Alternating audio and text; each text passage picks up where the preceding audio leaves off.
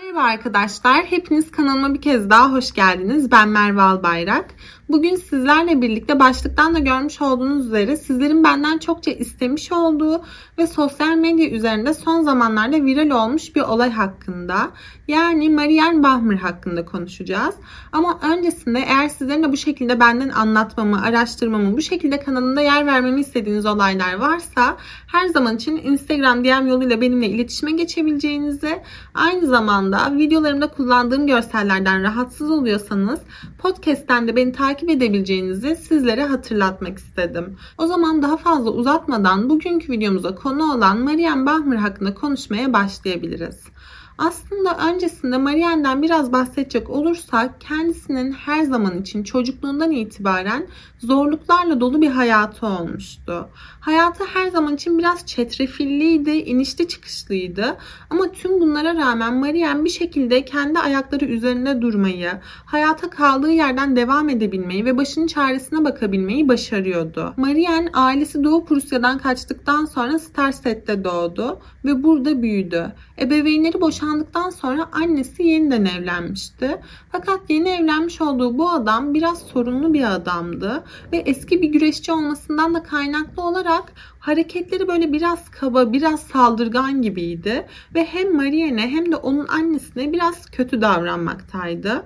Fakat ikili bu davranışlara göz yumdukça adamın hareketleri daha da abartılı bir hale gelmeye başladı. Zaman zaman anne kıza kaba kuvvet uyguluyordu ve ne yazık ki bu hareketler bir süre sonra Marianne karşı uygunsuz davranışlara dönüştü. Yani Marianne annesiyle birlikte yaşadığı bu evde resmen bu adam tarafından uygunsuz davranışlara baskılara maruz kalıyordu. Ötekileştiriliyordu ve gerçekten kendi evinde bir yabancı gibiydi. Bu yüzden de bir süre sonra bu eve uğramak dahi istememeye başladı. Yani bu evde geçirdiği her bir süre onun ruhuna ızdıraptan başka hiçbir şey vermiyordu. Bu yüzden de genelde arkadaşlarıyla birlikte veya erkek arkadaşıyla birlikte dışarıda vakit geçirmeyi daha çok seviyordu. Fakat bir erkek arkadaşı olduğu ailesi tarafından öğrenildiği zaman işler daha da sarpa sarmaya başladı. Çünkü anne babası onu erkek arkadaşıyla dahi görüştürmek istemiyorlardı. Ve şöyle de bir şey vardı ki Marian ortaokulu bitirmişti. Yani liseye başlaması gerekiyordu. Ve gerçekten başarılı bir öğrenci olduğu söylenilebilirdi. Fakat onun lise eğitimi almasına dahi izin vermemişlerdi. Yani genç kızın baktığınız zaman tek sosyal yaşantısı o dönemki erkek arkadaşıydı ve henüz sadece 16 yaşında olduğu için bu aşk yüzünden ölüp biteceğini falan düşünüyordu. Bu aşk için her şeyini feda edebileceğini falan düşünüyordu. Bu yüzden de sık sık erkek arkadaşıyla görüşebilmek için annesinin ve üvey babasının izni olmadan evden kaçıp gitmelere başladı. Ve hal böyle olunca Marianne henüz sadece 16 yaşındayken ilk bebeğine hamile kaldı. Marianne ilk kez 1966'da yani 16 yaşındayken ilk bebeğine hamile kalıp doğurdu. Fakat gerçekten bu bebeğe bakabilecek maddi manevi hiçbir gücü yoktu. Zaten hamile kaldığı annesi ve üvey babası tarafından öğrenildikten sonra babası onu eve dahi sokmamaya başlamıştı. Yani Marianne kendi evine dahi giremiyordu ve resmen sokakta kalmıştı. Ve bebeğin babası da hiç oralı değildi. Yani ne Marianne ne de onun karnındaki çocuğa sahip çıkmaya gönüllü olan kimse yoktu. Marianne hem maddi anlamda hem de manevi anlamda bu bebeğe yeterli bir anne olamayacağını farkındaydı ve bu bebeği doğurduktan sonra evlatlık vermek zorunda kaldı. 18 yaşına geldiğinde ise o zamanki erkek arkadaşından tekrar hamile kalmıştı. Ve şöyle de bir şey vardı ki hamileliği esnasında hamileliğinin son aylarında karnı burnundayken ne yazık ki CS'ye maruz kaldı. Ve bu da onda ciddi travmalar bırakmıştı. İşte bu yüzdendir ki bebek dünyaya geldikten sonra Maria zaten 18 yaşında kendisi bile küçük olan genç bir kızdı. Ve bu yüzden dünyaya getirdiği bebeği görmek dahi istemiyordu.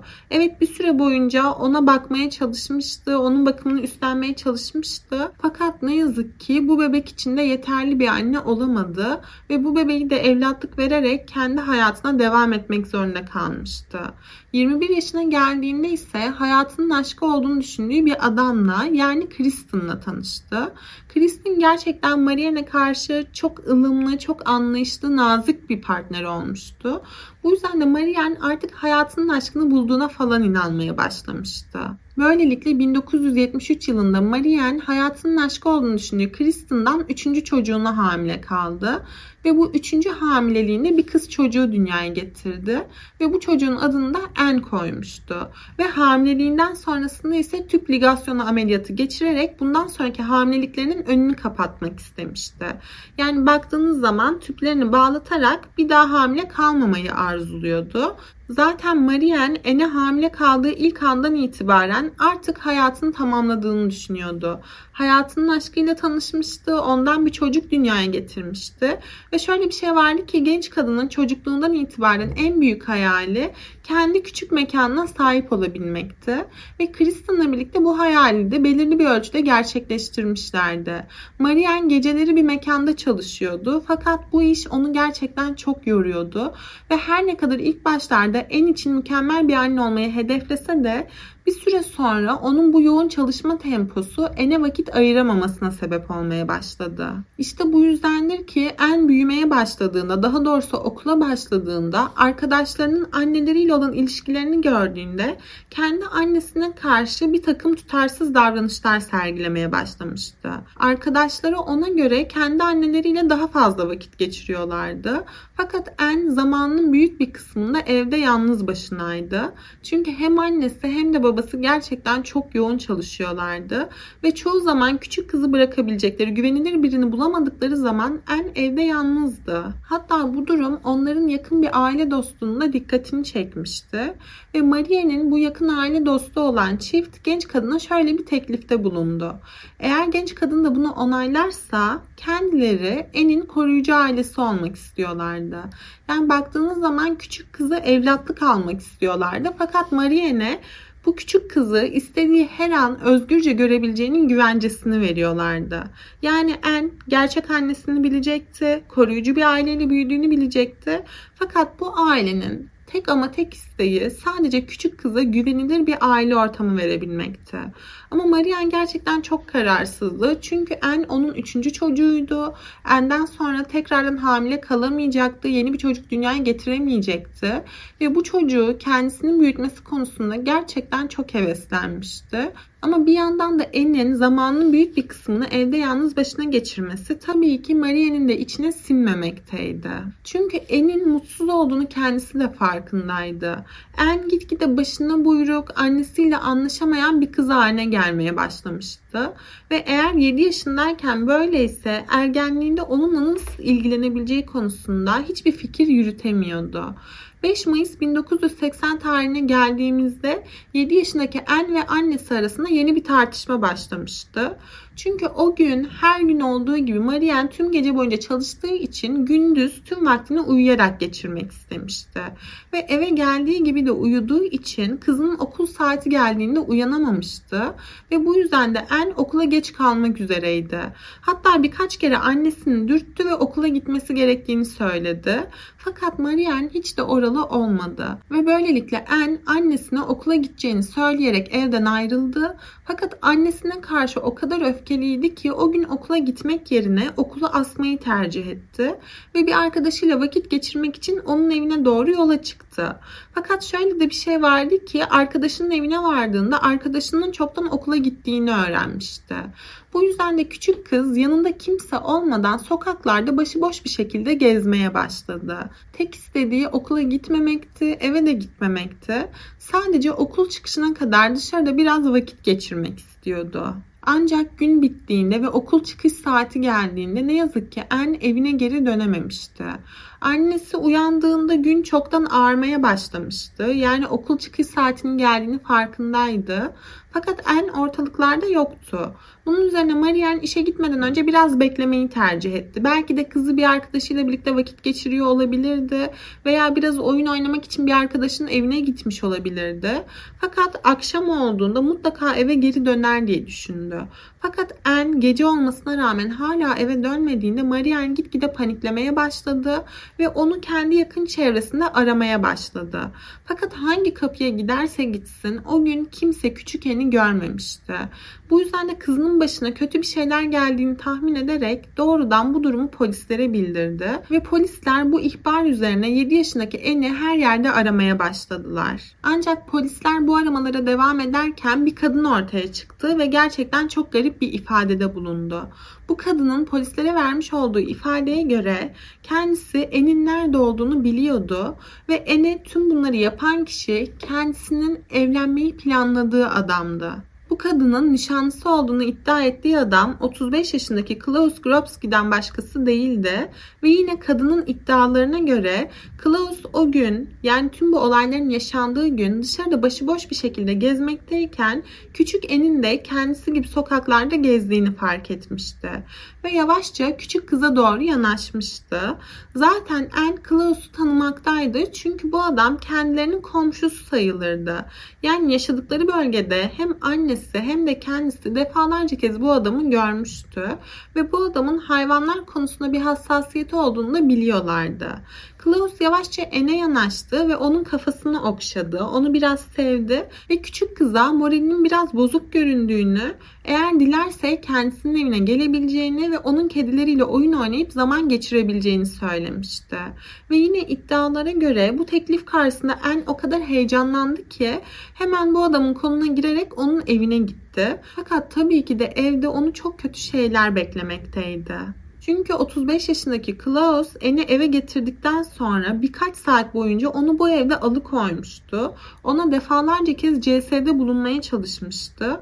Ve en kötüsü de küçük kızı tamamen etkisiz hale getirinceye dek darp ettikten sonra nişanlısının tül çoraplarından biriyle onu tamamen nefessiz bırakarak hayatına son vermişti.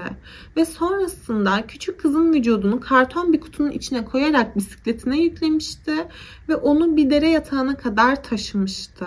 Ve küçük En'in hırpalanmış ve tamamen savunmasız vücudunu bir kutunun içerisinde kanal kıyısında tamamen terk ettikten sonra eve geri dönmüştü ve tüm bu yaptığı şeyleri olduğu gibi nişanlısına itiraf etmişti. Ve sonrasında hiçbir şey olmamış gibi evden ayrılıp yakınlardaki bir mekana gitmişti ve nişanlısı duymuş olduğu tüm bu şeylerle birlikte polislere gidip kendisinden şikayetçi olduktan sonra polisler onu tüm bu olayların hemen sonrasında gitmiş olduğu mekanda içkisini içerken yakalamışlardı ve tabii ki de hemen olay yerinde tutuklanarak karakola götürülmüştü. Ama tahmin edersiniz ki Klaus nişanlısıyla bambaşka bir hikaye anlatmaktaydı. Nişanlısının anlattığı hikayeyi tamamen reddediyordu ve kendisinin bilerek isteyerek Ene hiçbir zarar vermediğini iddia ediyordu. Ve tüm bunlara rağmen yani polisler Klaus'a işlemiş olduğu suçu net bir şekilde itiraf ettirememiş olmalarına rağmen tabii ki de artık En'in hayatını kaybettiği teyit edilmişti. Ve bu yüzden de nişanlısının vermiş olduğu ifadeyle birlikte yetkililer Maria'nın evine gittiler ve ona kızının hayatını kaybettiğini bildirdiler. Fakat Maria zaten böyle bir şey olduğunu az çok tahmin edebiliyordu. Yani kendisini en kötüsüne hazırlamış bir haldeydi. Bu yüzden de polisleri gayet metanetli bir şekilde karşıladıktan sonra onlara şunu söyledi. Lütfen daha fazlasını anlatmayın. Nasıl olduğunu bilmek istemiyorum.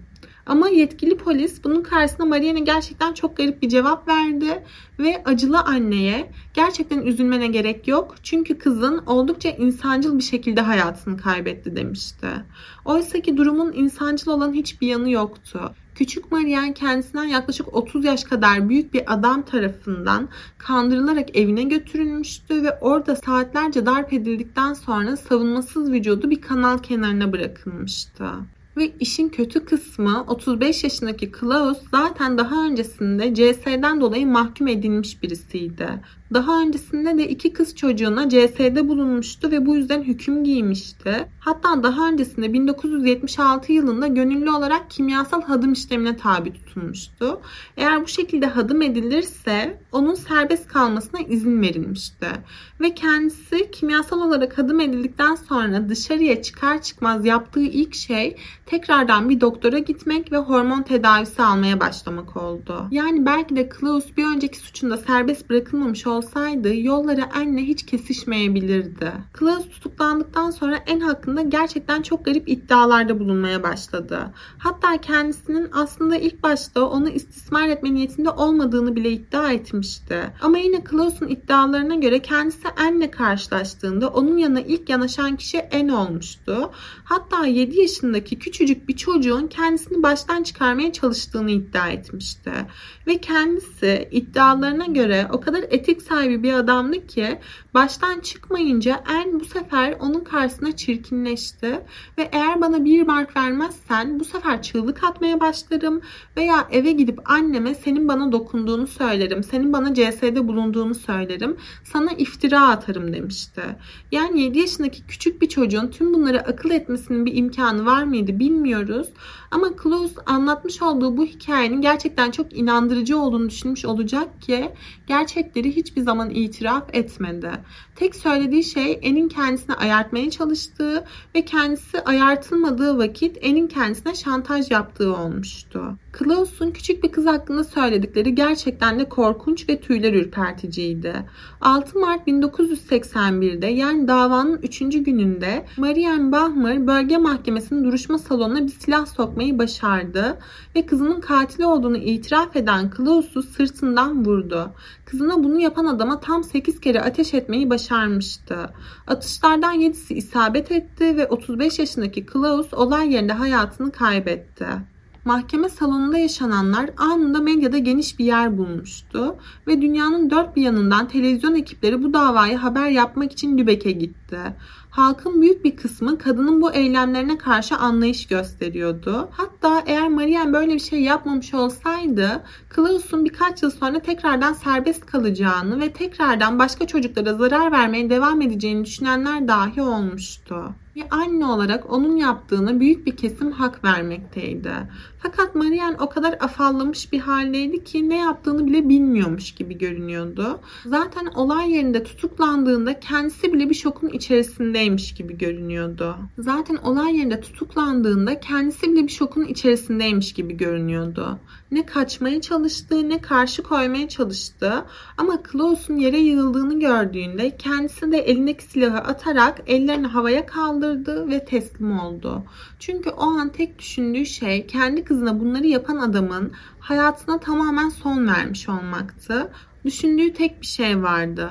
Umarım tamamen ölmüştür. Bu dönemde Maria'nın tabii ki ciddi ekonomik sıkıntıları da vardı. Çünkü artık mahkeme karşısında olan kişi kendisiydi ve bir şekilde savunma ekibinin parasını ödemesi gerekiyordu.